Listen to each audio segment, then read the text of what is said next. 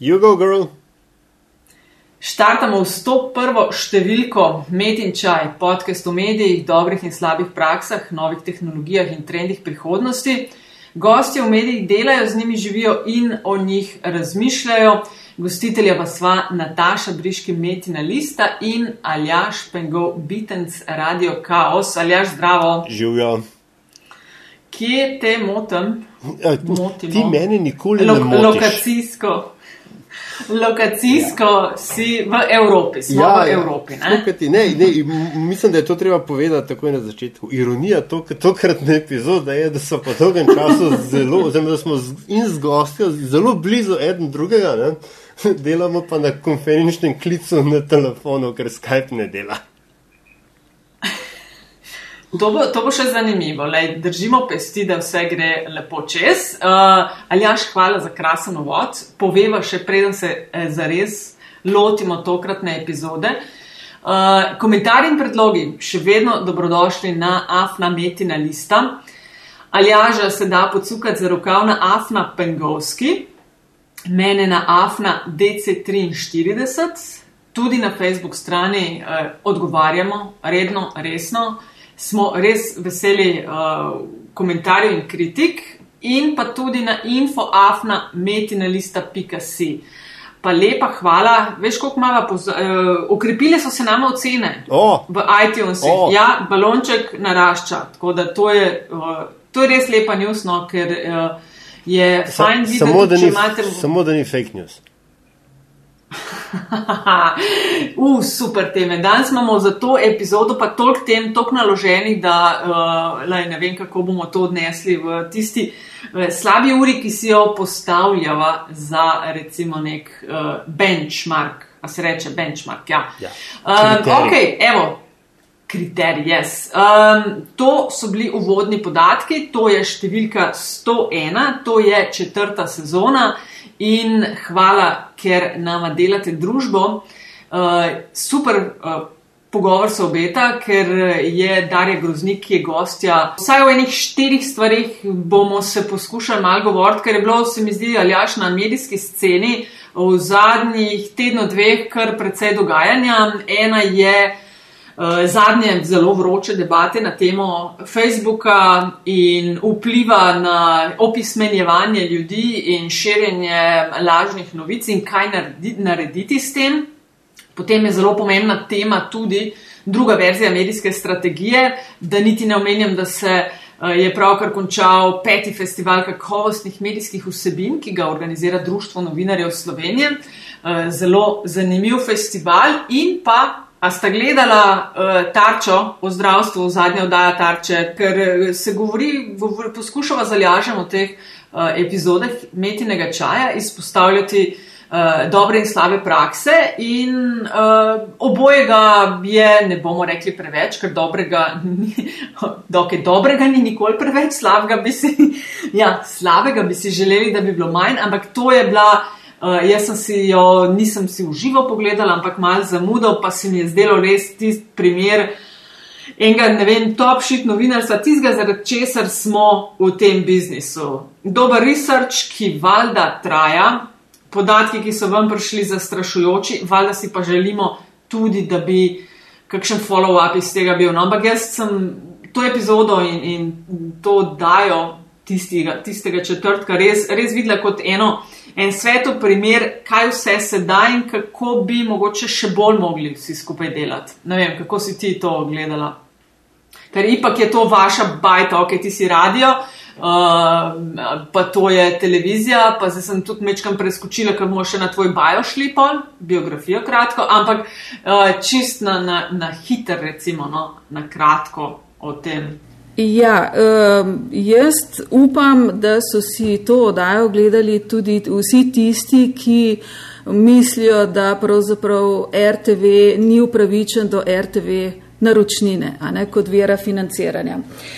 Zdaj, tarča oziroma razkrivanje vseh teh um, zelo zaskrbljujočih medicinskih zgodb Seveda moramo vedeti, da te zgodbe pravzaprav v sami osnovi niso nove. Marsikateri medij se jih je lotival, loteval in razkrival. Naj spomnim objektiv ja, ja. časopisa Dnevnik, tudi mladina, spomnim se, je kar veliko pisala o tem.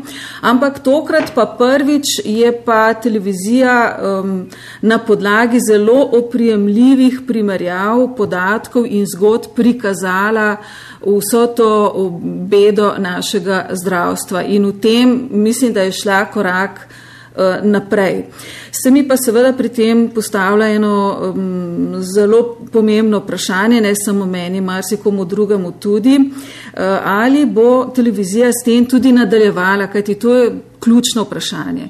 Če bo ustrajala, če bo nadaljevala, naprimer um, novinarski kolega Vasja Jagr um, celo misli, da bi morala sama televizija uh, dati kakšno kazensko vadbo in ne čakati na pristojne inštitucije, ampak pustimo zdaj to. Uh, če bo ustrajala in res prišla stvarem do dna, potem je to seveda za vse prste oblizniti, novinarska zgodba, prava, um, nek poklon uh, profesionalnemu novinarstvu in res se veselim nadaljevanja te zgodbe.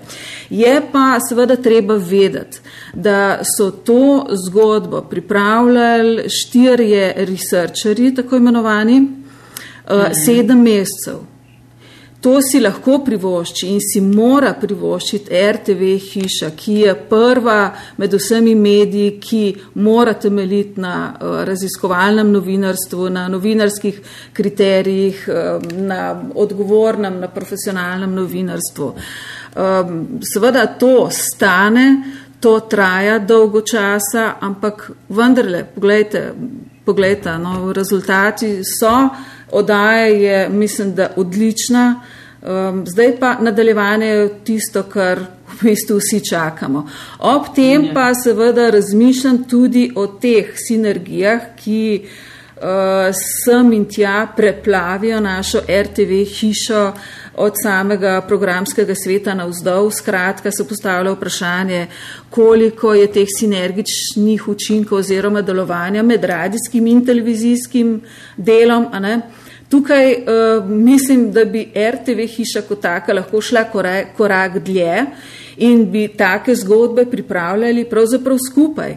Radijski in televizijski novinari in konec koncev spletni um, um, novinari, novinari iz MMC-ja. To bi bil pa še tisti korak dlje oziroma pika na i, se mi zdi, ki bi učvrstila položaj RTV-ja in ki bi um, vse to bi dokazalo, da znamo uh, skupaj delati, da smo ena hiša. Um, tako da. A veš, da se Darja res vidi včasih, da je velika, največja medijska hiša v Sloveniji, pa se res vidi, kada je razdeljena na te predalčke, prevečkrat, no, da bi se dalo več doseči točno s, to, s temi sinergijami. Ampak, le, ti si, malo sem jaz na začetku preskočila, ti si, zdaj sem jaz začela na televiziji, pa si zdaj na radiju, ampak lahko za tiste, ki mogoče eh, ne vejo zelo natančno, koliko je tvoja karijera potekala, čist malo poveš, ki, kakšen je tvoj background, no, uh, kje, kje vse si delala kje ti je bilo najboljš. Jaz se spomnim, ker sem, sem mami povedala, da, da s tabo delam pogovor, mi je prva stvar, ki mi je rekla, joj, ona je pa tako jokala, ker je šla z televizije. ja, žal, to je bil pa moj tak profesionalni fopaj. In uh, ja. Um, Mislim, da to res ni bilo profesionalno. Vem, da so se me ljudje zapomnili potem, ampak kaj hočem, pač se je zgodilo to, kar se je zgodilo. Pa se jaz to noč ne kritiziram, to se meni zdijo čist simpatični momenti, ker to razumem, ker sem tudi imela sama smoko grlo, ker sem zadnjo oddajo športne scene vodila. Da... ja, lej, televizija ti zleze pod kožo, oziroma medij kot tak, televizija pa se mi zdi še bolj. Torej, na kratko, da povzamem, jaz sem 32 let v novinarstvu, imam pa 28 let delovne dobe uh, in se še dolgo ne bom upokojila, najbrž. Ampak takole, najprej sem bila zaposlena na valu 202, potem sem leta 91 prišla prišla na STA, jaz sem prvi zaposleni novinar slovenske tiskovne agencije, ki se je začela, ki se je začela na način uh, tajnica, fikus, direktor in novinar. Tako smo začeli dejansko. Uh, in to je bila ena prekrasna izkušnja, da si pri nastajanju popolnoma novega medija, res je, da sem bila to zadevna predvsej oziroma zelo neizkušena. Eh, potem sem eh, se šolala na Dunaju na agenciji in sem dobila neke izkušnje, ampak začetek je bil pa tak zelo, eh, zelo zelen, bi rekla. Torej, do 93. leta na STA-ju, potem je premamla kaj drugega kot televizija. Moja življenjska želja je bila, da vodim televizijski dnevnik In ko sem um, se napovedala pri takratnemu direktorju televizije, gospodu Čadežu, ki me pravzaprav ni poznal in sem mu pač to povedala, kaj si želim delati, me sem čudno gledal. Ne. Ampak dobro, um, prišla sem na televizijo in konec koncev sem delala prav to, izpolnila se mi je življenjska želja. Potem pa uh, sem leta 1999 prišla nazaj na radio. Eh, kar ni pogosto, ne, da bi nekdo z televizije prišel nazaj na radio, kvečimo obratno. Uh, tako da marsikdo me je čudno gledal, ampak dejstvo je bilo to, da sem se vrnila na radio in prevzela funkcijo urednice Vala 202. Uh, to je bil zame spet en zelo velik izziv, eno krasno obdobje. Mislim, da sem um, zelo veliko pravzaprav naredila, čisto neskromno, konec koncev so zadeve, ki še vedno tečejo in ki so moja ideja, naprimer ime tedna. Um, potem, po letu 2006, se je marsikaj spremenilo. Uh, dobro, druga vlada uh, in posledično tudi kadrovski tsunami na Radio Slovenija. Uh, ampak dobro, vse je za nekaj dobro in tudi to je bilo. Bila sem urednica študija ob 17, tri leta, potem pa z letom 2011 postala odgovorna urednica prvega programa.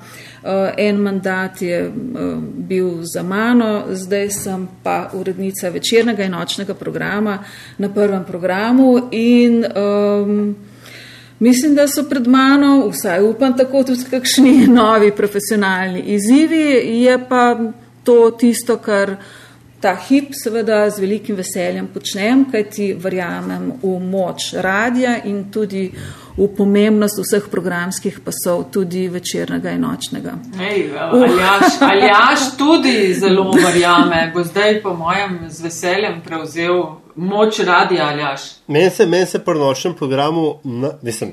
Poleg vsebine, ampak tista stvar, ki mi, ki mi, naj, ki mi asocira, tista stvar, ki mi asocira na nočni program, je una uvodna glasbena podlaga. Dar strejci. Ja, Dar strejci. Ja. Najboljši uh, bend vseh časov, vendar. Uh, ja, um, sem zadnjič prav razmišljala, koliko časa že imamo to uvodno špico, kot rečemo. Ne? Pa mislim, da obstaja najmanj 25 let. In naj tako vod, kot je. Naj tako ostane. Res je, in sploh se ga ne naveličaš. Ne? Uh mhm. -huh. ja, ne, to, dobro, to je pač tudi, tudi narava strejcev, ker pač, kot sem rekel, najboljši bend vseh časov. Ampak, ko smo že glih pri, pri radiju, in en, en, opa, malo sem premaknil uh, mikrofon.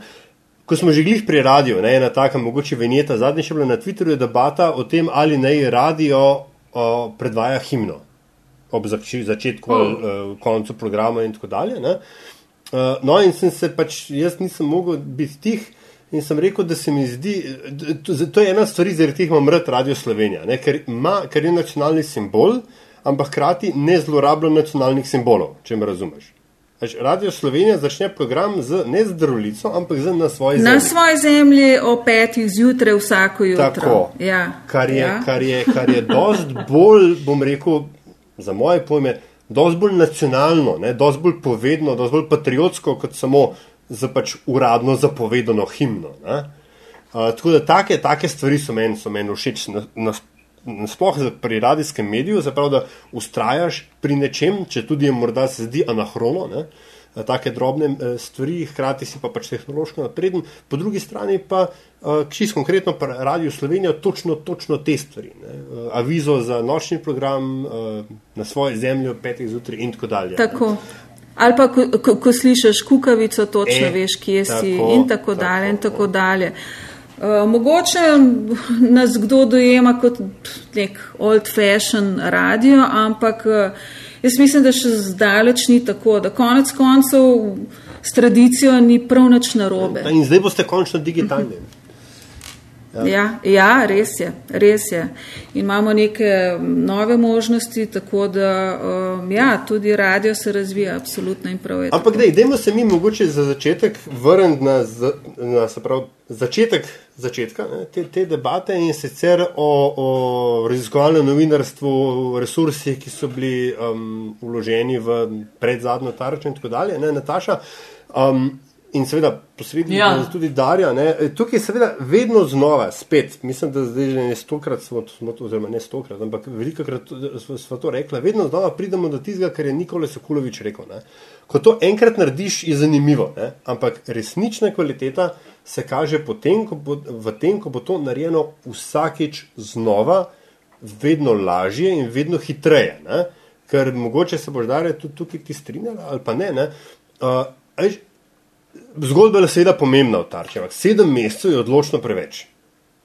Ali, ker ker sedem, sedem mesecev so, so podatki so že stari. Mislim, vse je, uh, uh, če, svet, se, svet se hitreje premika kot to, da bi lahko bi zdaj sedem mesecev, zdaj karikiram, pa nočem kritizirati kolegov starše, saj ne tokrat, ne?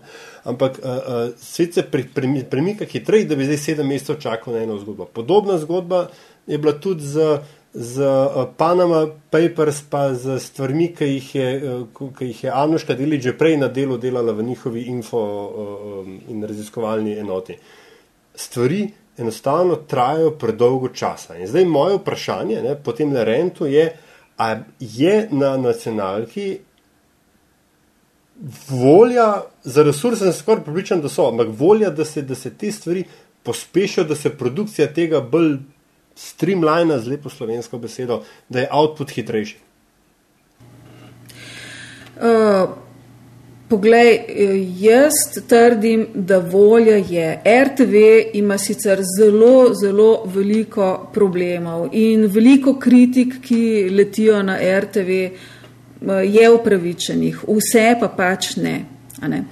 Uh, Jaz mislim, da je ta hip in če gre verjeti Ministrstvo za kulturo, da bo popravek zakona o RTV že prihodne leto dan v obravnavo.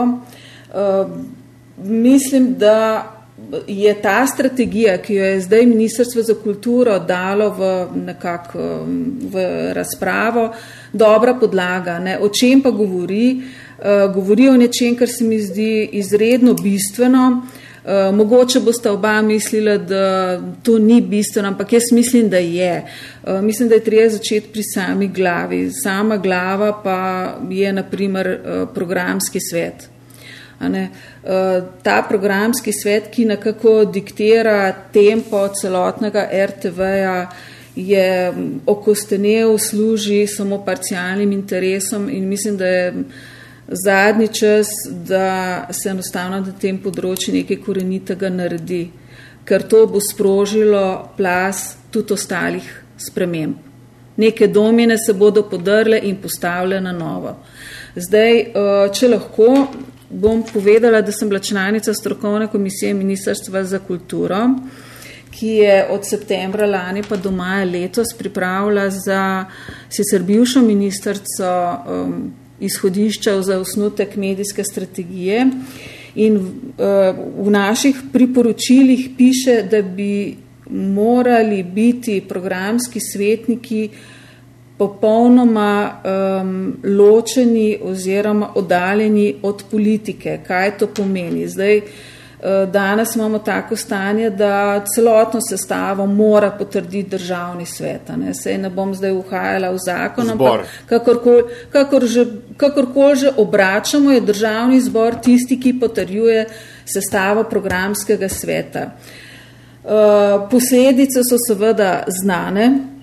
um, politizacija, vplivanje na programske odločitve, vse povsod na radiju, na televiziji, skratka, vse čas eh, nekako ovinkarjanje med eh, levim političnim polom, desnim političnim polom.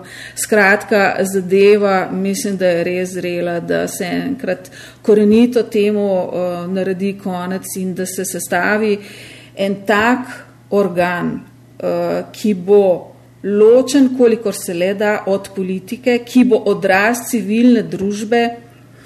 Uh, mi smo tudi naredili zelo konkreten predlog, kdo naj bi v programskem svetu bil.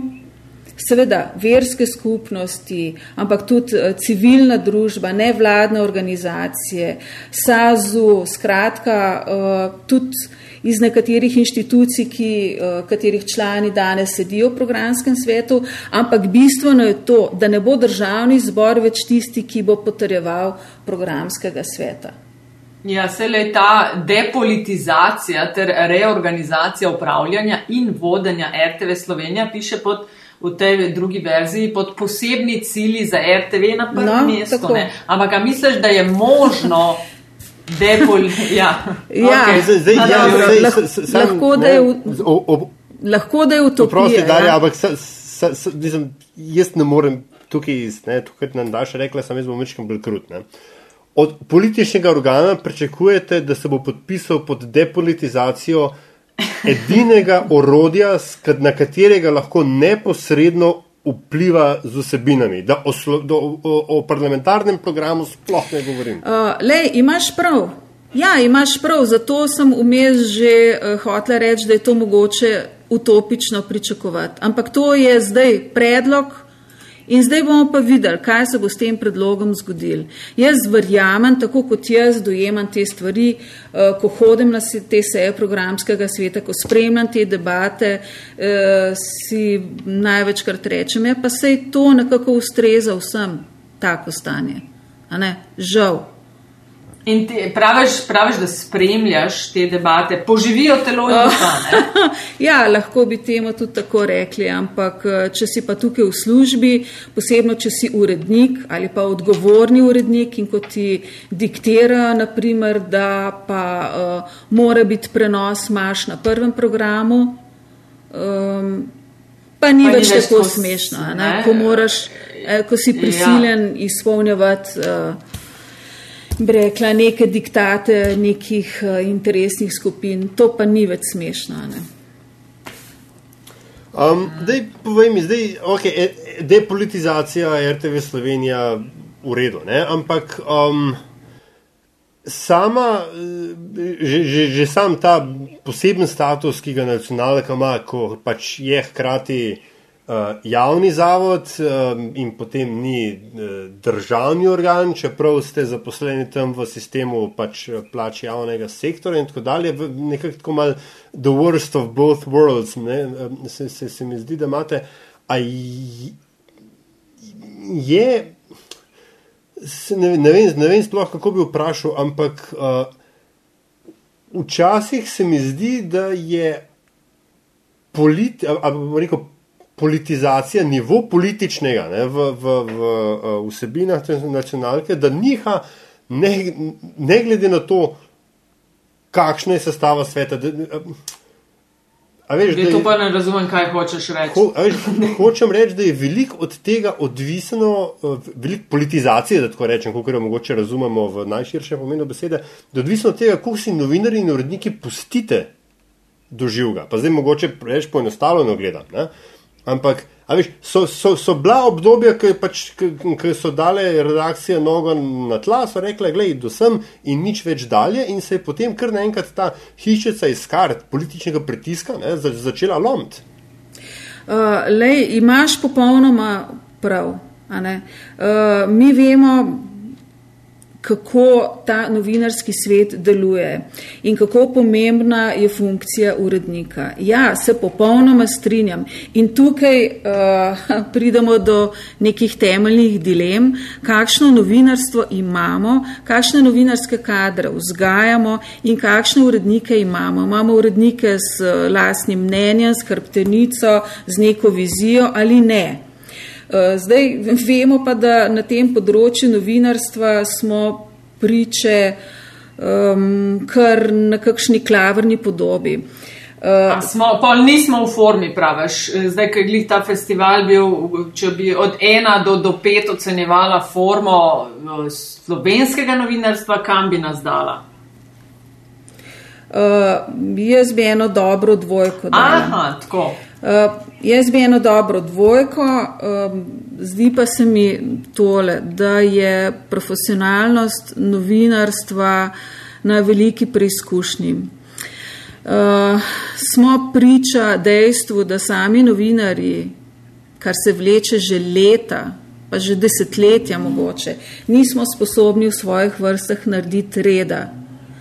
Novinar je danes v Sloveniji lahko praktično vsak, ki se samo okliče, da je novinar, nekaj piše in potem ga ljudje dojemajo kot novinarja. To je zelo problematično. In samo društvo novinarjev, katere čla, katerega članica sem tudi jaz, eh, tega reda ni naredilo. Poleg tega smo priča tudi drugim tektonskim spremembam. Zaradi svetovnega spleta seveda um, so postavili vprašanje, kdo je prinašalec novic. Imamo uh, cel kup drugih možnosti za razvoj medijev. Um, vse veste, o čem govorim. Skratka, uh, medijski, medijski svet zdaj deluje drugače, kot je deloval 20 let ali pa 30 let nazaj. Ne. Poleg tega je prišlo seveda tudi do tektonskih medijskih premikov na področju lasništva medijev in seveda vsta konglomerat sprememb uh, je, mislim, da um, no, samo novinarsko situacijo oziroma medijsko situacijo v Sloveniji postavil pravzaprav na rob uh, ne preživetja, ja, tudi mogoče na nek način preživetja in tudi na rob um, ko se moramo res vprašati, kaj, kaj je pravo novinarstvo, kaj je profesionalno novinarstvo, kdo je novinar in kaj je novinarski oziroma kaj je medij. No in kakšen je odgovor, tvoj odgovor na ta vprašanja, ki si jih zdaj uh, postavlja za vse nas ali pa za vse tiste, ki recimo želijo razmišljati o medijih in novinarstvu. Kaj je zate profesionalen medij, profesionalen novinar? Uh, imamo, kot veš, Nataša, um, novinarski kodeks, ki mislim, da uh, pove vse. Jaz se pa veliko krat sprašujem tukaj, ko se pogovarjam z, z mojimi mlajšimi kolegi, ali sploh poznajo novinarski kodeks, ali sploh poznajo, kakšni, kakšna so profesionalna načela novinarja, ali vedo, da morajo preveriti informacije, da morajo osvetliti vse plati ene novinarske zgodbe, da se morajo pravzaprav recimo čist enostavno z gostom, ki ga bojo uh, um, intervjuvali v nočnem programu, prej se stati, se z njim pogovoriti o temah, ne pa da ga prvič uh, vidijo deset minut čez polnoč in z njim naredijo intervju. Skratka, um, Mislim, Ampak je to krivda tega, krivda v narekovajih, tega novinarja ali tistega, ki temu, ki očitno ne ve, kako se delajo stvari, sploh da možnost, da vodi takšne stvari. No, tudi strokovna komisija, o kateri sem govorila, je tukaj dala, mislim, da nekaj dobrih napotkov. Mentorstvo. Mentorstvo v novinarstvu je praktično popolnoma izginilo celo tukaj na RTV-ju, pa sem sama bila novinar začetnik, sem imela mentorja, sem morala narediti spit, sem dobro, pred 30 leti je bilo to drugače. Ampak zakaj ne bi zdaj vzpostavili nekega sistema, ko bi vsak novinar pravzaprav šel čez neko ob, obdobje tako imenovanega vajništva oziroma obdobja, ko bi imel svojega mentorja In kaj bi bilo narobe s tem, če bi pravzaprav moral izkazati neko uh, poznavanje osnovnih, konec koncev, aktov, ki vladajo v tej državi? Uh, pa jih to ne naučijo na faksu, a ne pridejo z faksa z, že s tem znanjem, ali pa jih to ne briga, ne vem. Niso, niso to tako mala abeceda? Ja, je abeceda, uh, ampak le jaz tukaj, ko se pogovarjam z mladimi novinarji, um, so precej izgubljeni in nimam občutka, da bi prišli iz uh, fakultete opremljeni s temi znanji. O ustavi, o tem, kako funkcionira demokratična družba, kaj je zakonodajna oblast, na kakšen način pridemo do zakonov in tako dalje in tako dalje, katere so temeljne človekove pravice, katere so otrokove pravice, naprimer. Ne? To recimo mene še posebej zanima, ker sem pač pri Zvezi prijateljev mladine Slovenije. Ne. Um, mm. da... in, spet, in spet smo pri tem, ne, da bi moralo novinarstvo v bistvu postati podiplomski študij. Ne. Nekaj o tem na glas, to smo že tokrat rekli. Ja. nisva, aljaš, nisva zelo popularna zaradi tega. Le, ja, mi je, lej, mi je prav žal. Ti je žal, ne? Ja, ja lej, pa je šla zvezdica. Ja. Ne, ampak recimo, ok, Darja. Uh, To je vse, kar so v bistvu ti to omenjali, so teme, ki ste se jih lotevali tudi v medijski strategiji, ki si pri oblikovanju, kateri si sodelovala. Uh, najprej splošno vprašanje. Ali je situacija RTV Slovenija pomembno različna od situacije, v kateri so drugi mediji pri, bom rekel, soočanju z medijsko realnostjo? Kar se tiče uh, socialne varnosti novinarjev, kar se tiče pritiskov, pogreševalcev ali pa politike. A, a, a, sta to, to dva različna svetova? Ja, že sam si rekel, da je RTV javni zavod, jaz pa temu dodajam, da je seveda branik javnega interesa, da RTV bi moral biti na vsak način uh, tisti medij, ki bi moral biti, jaz upam, da je, ampak tukaj si ne upam trditi, eh, pravzaprav najbolj verodostojen medij, konec koncev. Uh, ok, ampak sej, sorry, takoj ti bo dal kontro, pa vprosti, če sem te prekinil, ampak ni tako načeloma, da bi morali biti vsi mediji.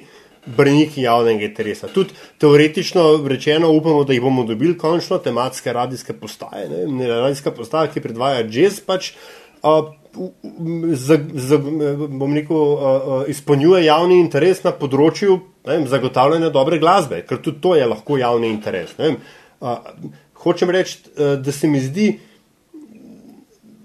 ko sem pač prebral, prebral strategijo, da je mogoče pri pogojno rečeno komercialnih medijih, se pravi ne Radio Slovenija ne RTV Slovenija, da je javni interes mogoče mečem premalo poudarjen?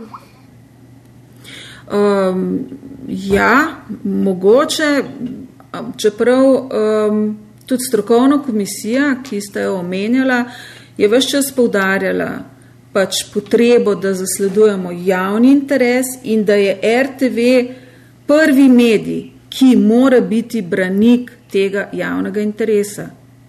Ok, šteje. Ja.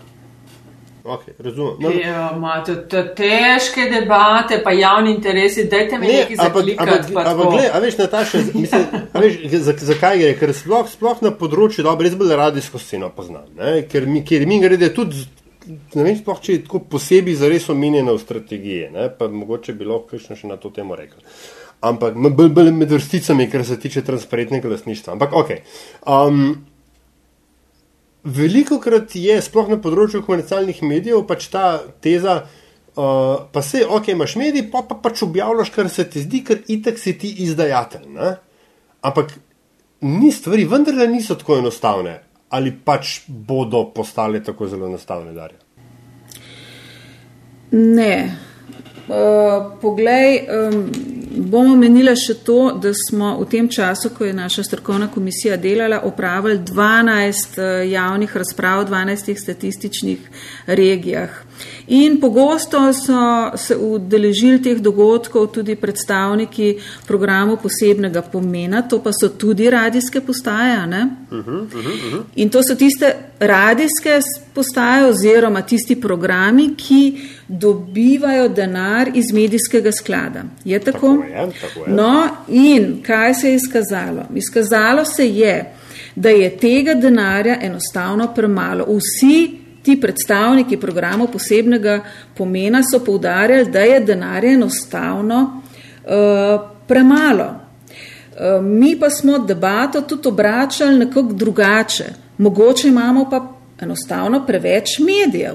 E, tako, hvala. Dajmo se, dajmo se vprašati, ker vsaj meni se tudi zdi, da uh, živim enostavno v eni poplavi informacij in poplavi medijev. Ne vem, kakšen občutek imate vidva, ampak se mi zdi, da je tako, da moraš biti kar spreten in to je pa tisto, o čemer bomo upam tudi govorili o medijski pismenosti, da se nekako znajdeš v tej celi poplavi informacij. Ampak zdaj pa, če se malo vrnem k, tem, k temu medijskemu skladu. Ne vem, če veste, pa vam bom povedala podatek, ki je javen, ni nobena skrivnost, da uh, je bilo prek medijskega sklada v letih od 2006 do 2015 razdeljenih 22 milijonov evrov. Ampak kaj so komisije, ki so se s tem ukvarjale, ugotovile? Ugotovile so, da ta denar, teh 22 milijonov evrov, pravzaprav ni prispevalo k uresničevanju ciljev razpisa, da državljani niso nič bolje in vse stransko obveščeni, da mladi novinari niso nič bolj zaščiteni, da ni več zaposlovanja mladih novinarjev, ni večje pluralnosti. Skratka, s celim sistemom je nekaj narobe. 22 milijonov, 22 milijonov evrov, ampak ti programi posebnega pomena, ki so seveda tukaj so udeleženi pri tej vsoti, vse čas trdijo, da imajo premalo denarja, da bi jim morala država dati še več. Imamo pa toliko medijev, da enostavno. Sam koga boš, veš, koga, kje boš začela ja. rezati, kdo, kdo ja. bo ne, kdo bo dobil in to takoj padeš na neka interesna polja in si že predstavljam, Točno tako. Uh, da, je, da bi to bila potrebna ena zelo, zelo huda. In politična volja, in ne vem, strokovni konsens, in ne vem, kaj še vse, da če bi uh, se lahko temu približali, se pravi, krčati, ne vem, število. Ja. Ne, ker... Jaz mislim, da je prav, da država financira oziroma sofinancira uh, medijske vsebine, projekte uh, oziroma programa posebnega pomena oziroma neke nove novinarske platforme, konec koncev spletne, naprimer. Jaz mislim, da je prav, ampak vprašanje je, uh, na kakšen način in ali financira prave A s tem prispeva k večji pluralnosti države? Ja, očitno ne, ne če je pokazala. Očitno, ja, kaj, ja, očitno ne, 22, v tem pa je problem. Ja, 22, 22 je šlo v desetih letih, kaj se je, 26 do 2015? V devetih letih. V devetih letih se pravi, mm. kot 24 nekaj ja. takšnega na, na leto. Uh, skratka, ja, no, no, mogoče je bilo zdaj, na tej točki treba pa full disclosure, ne, na večino od teh razpisov smo se pač nekako so prijavili, na nekaterih, oziroma prijavili smo se na vse, na nekaterih smo dobili, na nekaterih nismo. Ne. Uh, treba je pač povedati to, da se je v teh letih ne, uh, politika financiranja spreminjala, ne, pri čemer so najbolj, bom rekel, zaščiteni, še vedno ostali ravno pač, uh, posebne, mediji posebnega pomena. Vem, vem, da mislim, da na tem zadnjem razpisu, ki mislim, da se bo iztekel čez, čez nekaj dni, uh, je, recimo, imajo ne, mediji posebnega pomena lahko zaprosijo za financiranje do 100 tisoč evrov, medtem ko mediji brez posebnega pomena za 30 tisoč. Pričemer pa to, pa, kar sem pa za Natašo lahko videl, pa zdaj nočem speljati vode na svoj mlin.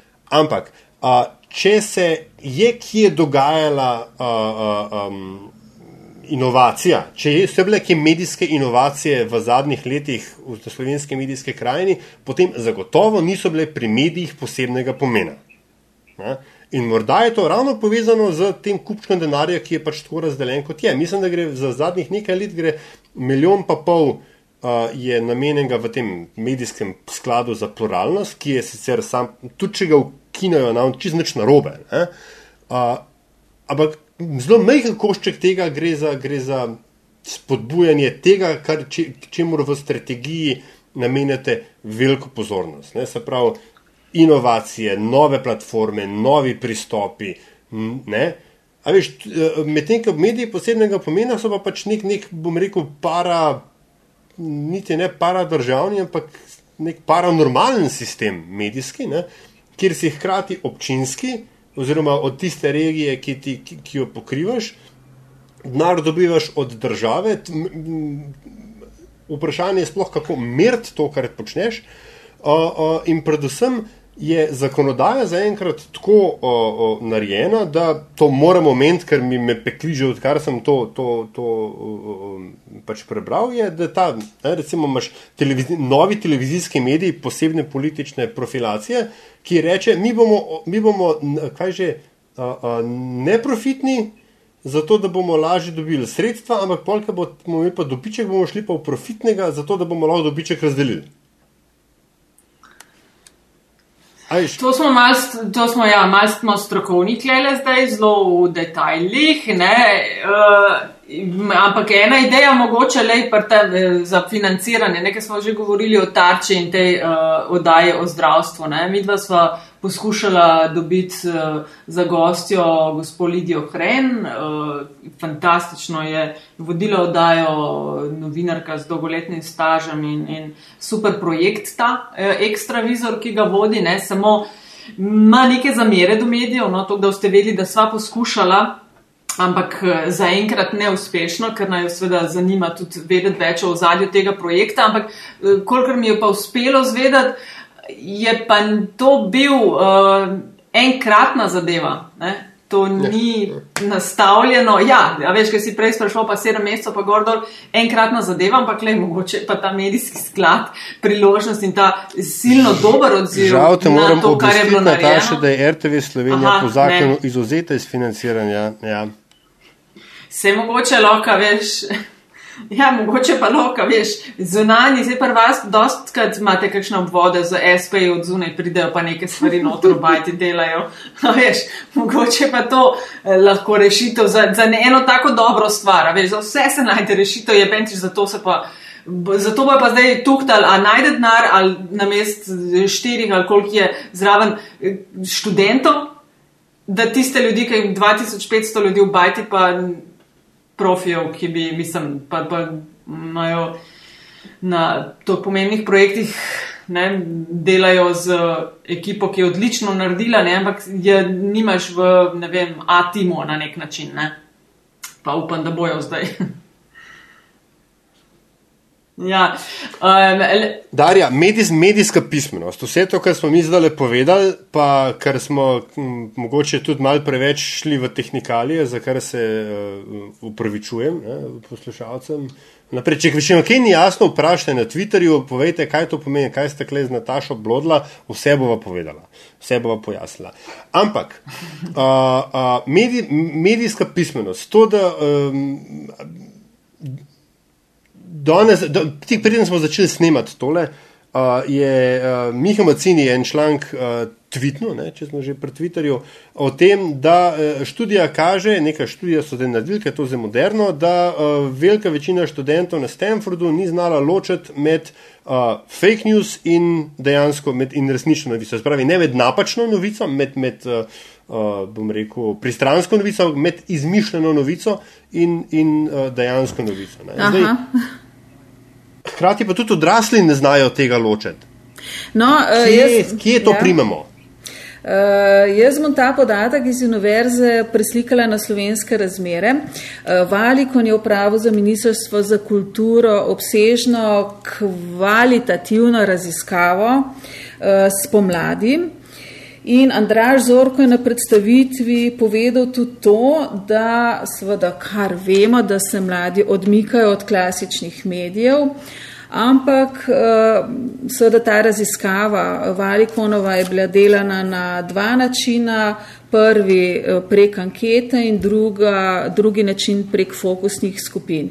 In da v fokusni skupini je slišal tudi tole, ko so eh, spraševali um, mislim, da starostno skupino med 15 in 25.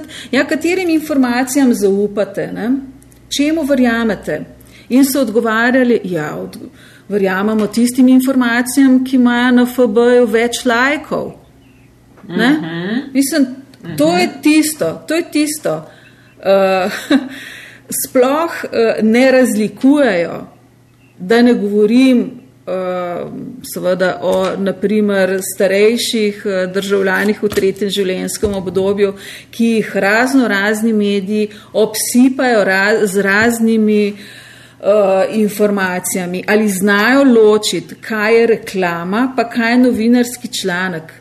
Jaz sem prepričana, da tukaj pa res imamo problem, problem z medijsko pismenostjo. To se pravi, na eni strani imamo poplavo medijskih vsebin, na drugi pa velike težave s to medijsko pismenost. Kaj pa sploh medijska pismenost je? To je um, to medijska pismenost, to je pa sposobnost, veščina, to je neko znanje, razumevanje, to je vse to, kar potrošnikom oziroma državljanom omogoča učinkovito, eh, varno uporabo medijev. To je tisto, da bojo ljudje vedeli, če nekaj piše v občinskem glasilu, eh, lahko da tudi ni res. Ali pa če na reklamnem letaku nekaj preberajo, je to reklama. Ni pa to stoprocentna informacija. Zdaj, jaz mislim na tem področju, da je zelo pomembno, da nekako prodremo do otrok.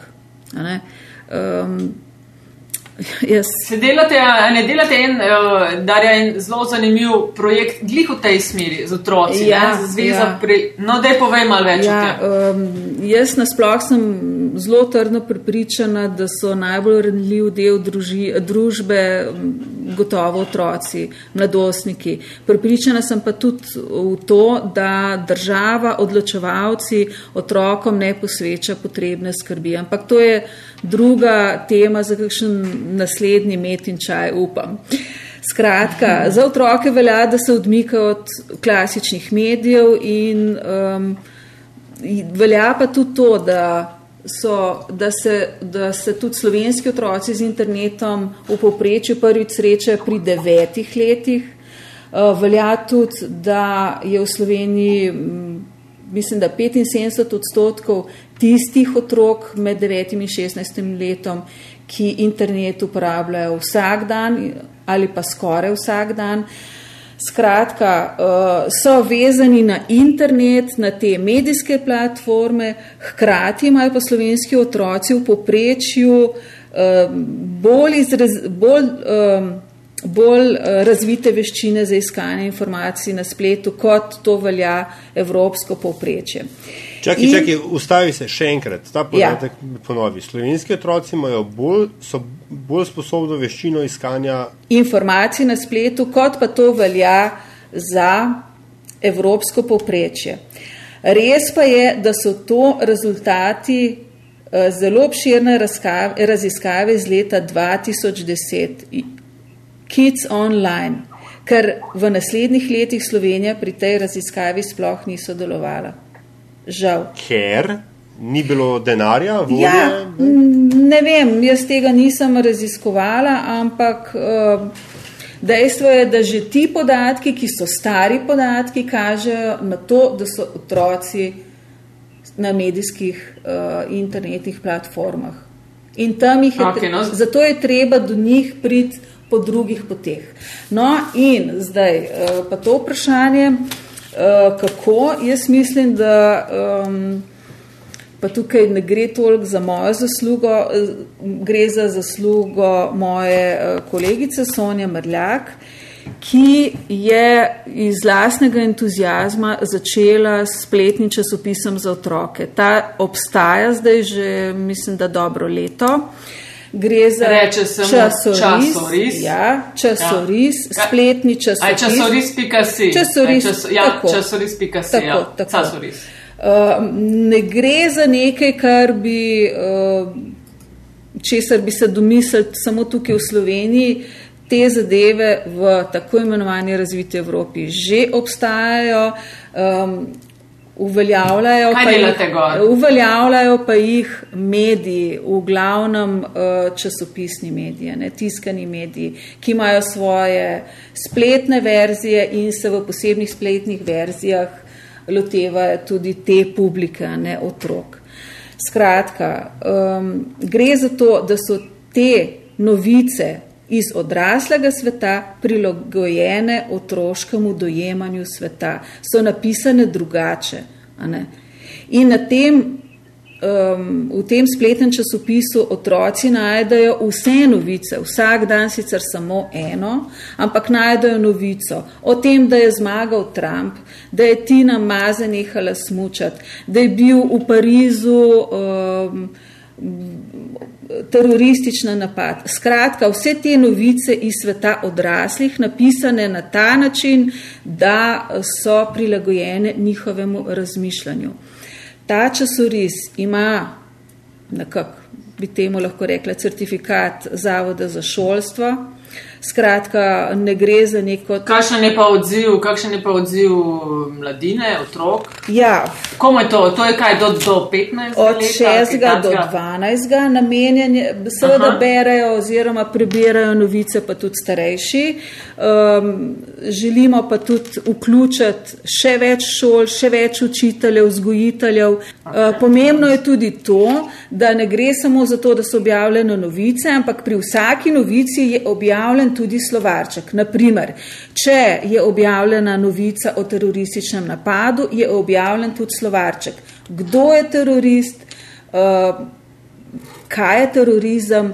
Skratka, lahko ta časoris uh, je tudi di didaktični pripomoček, bi lahko bil, ker v osnovnih šolah imamo izbirni predmet vzgoja za medije. In jaz vem, ker smo vodili projekt tukaj na Radiu Slovenija, projekt novinarskih delavnic, da so učitelji kar nekako zmedeni, ne vejo točno, kako se lotiti tega predmeta in ta časoris je naprimer ena dobra eh, platforma za razvoj medijske pismenosti pri otrocih. In to je spet prostovoljstika, Darja. To ja, zaenkrat uh, dela na entuzijastični pogon, je pa, Evo, res, razpis. je, je pa res, da se prijavljamo na razpis. Ja, seveda.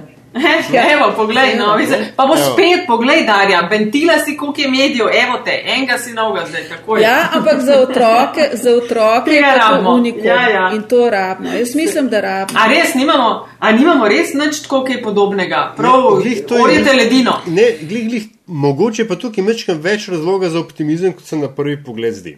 Jaz za časoris nisem vedel, priznam. Uh, moji še niso ciljna publika, jaz pa nisem več ciljna publika. Ne? Pa recimo, da imam izgovor. Uh, ampak čas- časoris na eni strani, infodrom na televiziji Slovenija, ki je vsakič, ko ga gledam, uh, je, jaz ga gledam, ker je, ker je res dober. Ne, ker, ker je dobro narejen, ker je ravno spet ta skozi otroške oči, um, pristopi so otrokom prijazni in pač nekaj njih, njih nagovarjajo. Ne.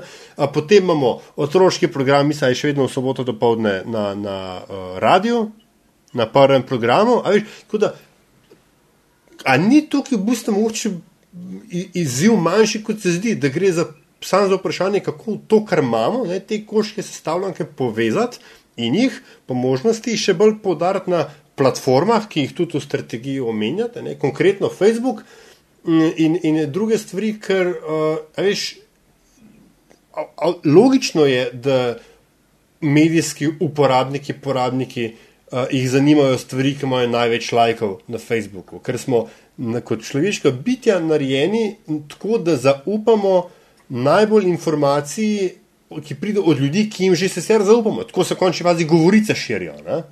Uh, a veš, in da mogoče bi bil pa ta mehanizem ne, uh, za ponuditi za, v, v, v neko, za neko dobro stvar. Ampak kjer mehanizem, jaz te ne štekam, kjer Ta, tam, tam mehanizem. mehanizem, za, z- pač temu nagnjenost k temu, da zaupaš. Veš, le, če Darje Groznik reče eno 12-letnik, ali pa če APB, ne, jaz rečem enemu 12-letniku, stari, gled, tole moraš pa gledati, bi mu rekel, pa ti rekel, kdo si ti. Veš. Ampak če mu bo pa mm -hmm. njegov 12-letni sošolc rekel, lej, tole, tole pa za lajkat, ali, pa, ali pa če bo videl na svojem feedu, da je pa to za lajkat, mm -hmm. ta, ta sistem, ne, ker če ne bo pa pač videl, kako je, ne vem. Uh, kaj pa vem, Kane West zdaj pristal v, v, v Ja, ja. bolnici in bo pa pač to zanimivo. Ne? Ja, ampak um, dobro, ja, se lahko razmišljajo tudi tako, ampak poglej, kako. Um, zdaj, jaz novinarstvo dojemam kot zelo odgovoren poklic. a ne. Kaj mi delamo, novinari? Mi nekako odslikavamo dogajanje in ga prenašamo na čim širšo publiko. Je tako. Ne? In uh, zdaj to lahko počnemo na zelo različne načine. Lahko to počnemo na uh, profesionalen način in povemo, kaj se je zgodilo, kje je, kdaj, skratka, teh pet ključnih novinarskih vprašanj. ne. Uh, lahko to seveda povemo na objektiven način, lahko pa to skratka povemo s tem, da že hkrati komentiramo. Ne? Recimo, ali pa. Mislim, tukaj, tukaj Ja, mo- bi, se mi zdi, da bi bilo treba, Ja. in o tem govori medijska pismenost, kako uh, oborožiti državljane uh, z čim več znani, da bojo lahko aktivni državljani in da bojo prepoznavali konc koncev tudi tisto, kar sem prej rekla, da bojo ljudje, ki bojo ne vem, prebrali en letak, vedeli, da to, da to ni novinarski članek. a ne.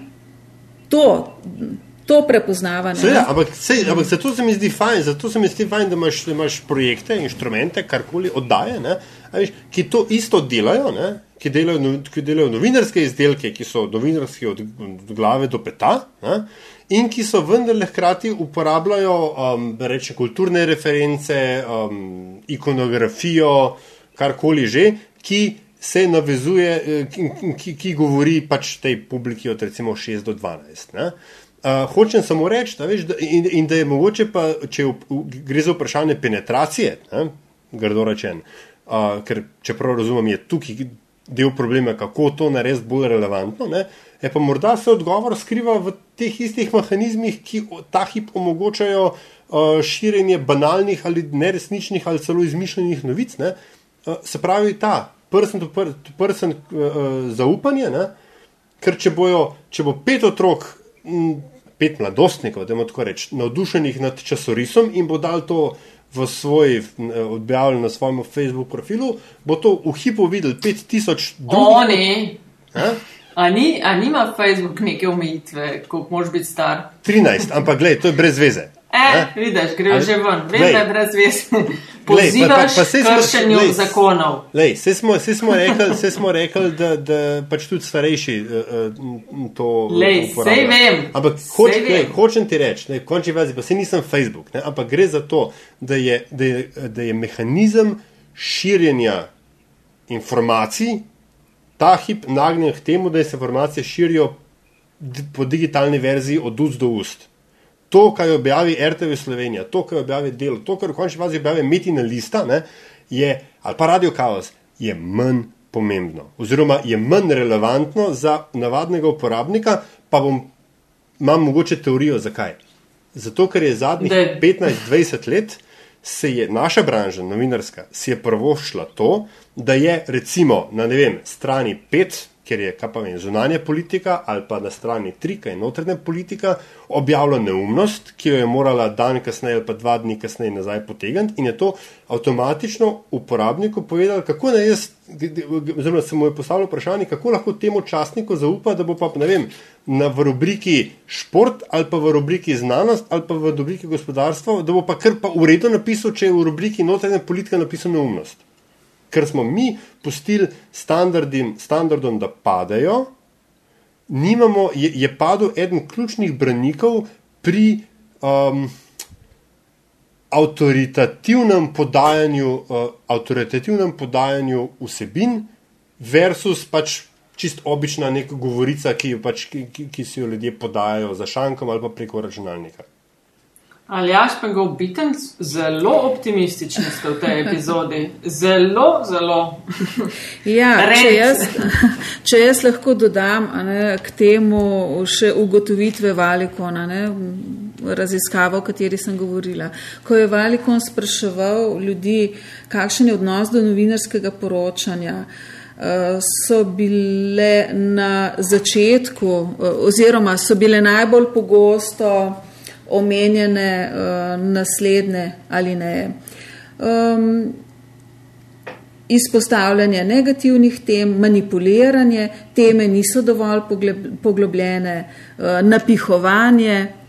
Skratka, mislim, da to ja, kaže. Spomnim, to... kar nekaj kritik je bilo, ne? se tudi to, ko gledajo, ocenjujejo profesije, so novinari med najslabše ocenjenimi. Uh, ja, na smo, nasploh smo zgubili neko splošno verodostojnost. Ljudje nam pravzaprav um, ne zaupajo in tega smo pravzaprav, kot sem že prej rekla, krivi tudi mi sami. Ja, Ali pa predvsem mi sami. Seznam grehov je dolg in ugleden. Ja, zaradi tega, ker smo mi sami dopustili padec standardov, o tem si govoril. Mm. Uh, in nismo znali narediti reda v svojih vrstah, tako ali drugače, ali z licencami ali brez licenc. Ampak, gledajte, vsaki nekaj objavi, še ni novinar. Ne? Ja, no, vse prav, ampak, ampak zdaj, potem, ko smo, se mi zdi, pa, da, pa, da pa te projekti za, za, za, za, za mulčke, no, da to, to mi je pa res hudo in predvsem predvsem tisto, kar sem jaz do zdaj videl, pa če so res, bomo še res, evo, zdaj le končamo, ga grem gledati, ampak vse ostalo mi je pa super in predvsem je narejen a, a, tako a, z vidika. Se pravi, obrtniške, obrtniškega vidika, produciranje dober in tudi uh, uh, standardom novinarskim ustreza, še več, marsikdo v, od, v, od, od odraslih v tej branži bi, še, bi se šlo lahko tem projektom učiti, kako se stvari delajo. Ja, res, mogoče res A od novinarske abecede v marsikaterem primeru. Ja. Evo, počasi mislim, da moramo zaključiti. Se pravi, casoris.si je nekaj, kar, kar velja pogledati. In če... širiti med uh, to publiko, med otroke, med vzgojitelje, med učitelje. Ja. Uh mhm. -huh. In držimo pesti za to, da gre projekt skozi, tako kot ste si ga zamislili. Uh, Darja, še kup stvari, o katerih bi lahko debatirali. Ja, jaz, jaz, jaz imam eno, boš... preden, preden zaključiš. Okay, uh, Darja, kdaj bo medijska strategija dobila medijske taktike? Konkretno, kdaj, kdaj, bo, kdaj oziroma v kakšnih oblikah bo to? zaživelo. Seveda, strokovna komisija, o kateri sem govorila, je končala svoje delo. Zdaj je na potezi Ministrstva za kulturo, ki napoveduje eh, popravek zakona o medijih in zakona o RTV že v naslednjem letu. Tako da to so informacije, ki so zdaj dane. Um, strategija je na voljo, jaz upam, da tudi na spletni strani, vsaj jaz sem jo tudi našla na spletni strani. Ja, druga verzija je, jo bomo priložila. Tako, ja. uh, zdaj pa je A... na uh, Ministrstvu za kulturo, da pripravi ta dva osnutka uh, obeh zakonov. Okay. In zdaj pa še nekaj, kar bi bil resnično površen, če tega ne bi vprašal. Čigava ideja je bil prispevek operaterjev uh, v nek poseben sklad in ne vem kaj. Uh, za, za, pač v strategiji ste si nek paradavek zamislili za financiranje digitalnih osebin. Jaz se moram od tega ograditi. To gotovo ni v tekstu, ki ga je strokovna komisija predala Ministrstvu za kulturo. Opa, ne, ne. Povej več. Uh -huh. Uh -huh. Čakaj, zdaj samo. zdaj le pa gledaj, le brskam in. in, in um... Ker ti imaš pred sabo gotovo strategijo, ki jo je napisalo Ministrstvo za kulturo, ki je črpalo iz našega teksta, ampak tega v našem tekstu ni. Ok. V redu. Okay. Le, v, v redu, super. A se, a se, uh, ne bom zloben, pa ne bom rekel, da se ponavlja zgodba iz prve verzije strategije, ampak mogoče si lahko to mislim vsaj. Uh, ja, lahko si tako razlagamo. Ja. Mi kot strokovna komisija smo podpisani pod dokument, za katerega smo v bistvu ustrajali, da se objavi kot tak, naš, govorim o tem našem dokumentu, da bodo vsi zainteresirani videli, kaj smo napisali mi in kaj je dalo naprej Ministrstvo za kulturo. Skratka, Ja, to zdaj sem, itak zdaj sem našel pač uvedba obveznega prispevka operaterjev, ki ponujajo dostop do svetovnega spleta za vse imetnike spletnih priključkov v sklad za deficitarne informativne vsebine. Ne, tega v tekstu strokovne komisije ni. Okay. Ja, ok, zanimivost pred zanimivostjo. Darja uh, vsako epizodo končava s, s tem, da gost oziroma gosti uh, postaviva enako vprašanje. Hvala za vse doslej povedano, za vse, kar si delila.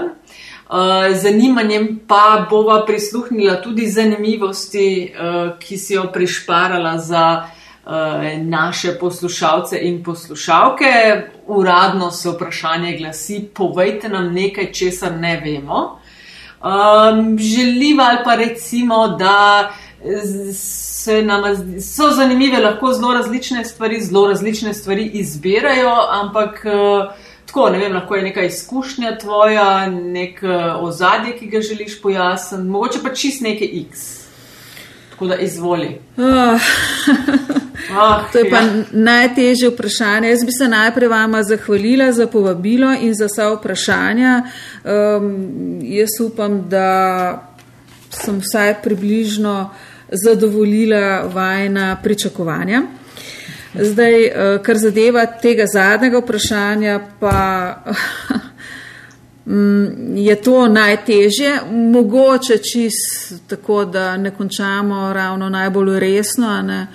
Um, pa bom povedala tole, da mi je pravzaprav vedno um, zelo zanimivo, kako um, oziroma kakšno moč ima televizija vezano na mene, ne, ki že od leta 99 ne delam na televiziji, ampak je prav neverjetno, kako me ljudje še danes pravzaprav enačijo s tem televizijskim delom in um, prejšnji teden um, me je nekdo ustavil in rekel, ja, vi ste z televizije, ne? Se reka, ne, ni, ja, pa seveda ste, ne, ampak zdaj le eno leto vas ni bilo, ne, a ste bila na bolniški. Reka, ne, eh, od leta 99 mene že ni na televiziji. Skratka, um, Televizija ima blazno moč, očitno vsi, ki smo kdajkoli delali na televiziji, smo se zapisali v male možgane gledalcev, očitno. Ne? Ampak jaz zelo rada delam na radiju, zelo, zelo rada tudi vodim nočni program. Uh, imam zanimive goste, uh, s- To pa res. In ja, res, Nataša, tudi ti si bila moj gost, uh, ker se mi zdi noč en tak izjemno um, tenko- tenkočuten in intimen del dneva, ko um, kot voditelj imaš svojo publiko, veš, da so na drugi strani, da bedijo zaradi različnih razlogov, ampak uh, da so s tabo poslušalci, ki jim radio res veliko pomeni uh, in imajo res radi radio, to je en krasen občutek. Mm, ampak to za televizijo, veš, to pa zelo, zelo, zelo drži. Tisti, ki se sprašuje, pa zakaj televizija pa tako najmočnejša, mislim, to, to so eni od odgovorov, zakaj drugi mediji po, ne vem, ali priljubljenosti, ali je to ta pravi izraz, uh, zakaj zgodbe, ki so na televiziji, odmevajo ponavadi, no, nekajkrat bolj kot vse, kar se objavi kje drugje. No. Ma, ma res hud dometno. Ja, Ja. In, s tem, in s tem pa tudi, če lahko rečem, s tem pa tudi zelo veliko odgovornost. Ja, Kajti s katero oba- pa dela kot svinja z mehom, to je pa tudi Ja, res. ob, oba ali pa mi vsi vemo, da je slika lahko tudi zelo vrljiva. Absolutno. Darja, uh, Aljaš, uh, zaključek. Ja, ja lej, vse bi lahko še, Evo. ampak nekje je treba pristaviti piko. Ne? Yes. Uh, Darja Groznik, najlepša hvala, ker si bila najna gostja. V velik užitek je bilo klepetati s teboj. Še kdaj? In tudi z vama, z veseljem, hvala še enkrat za vabilo.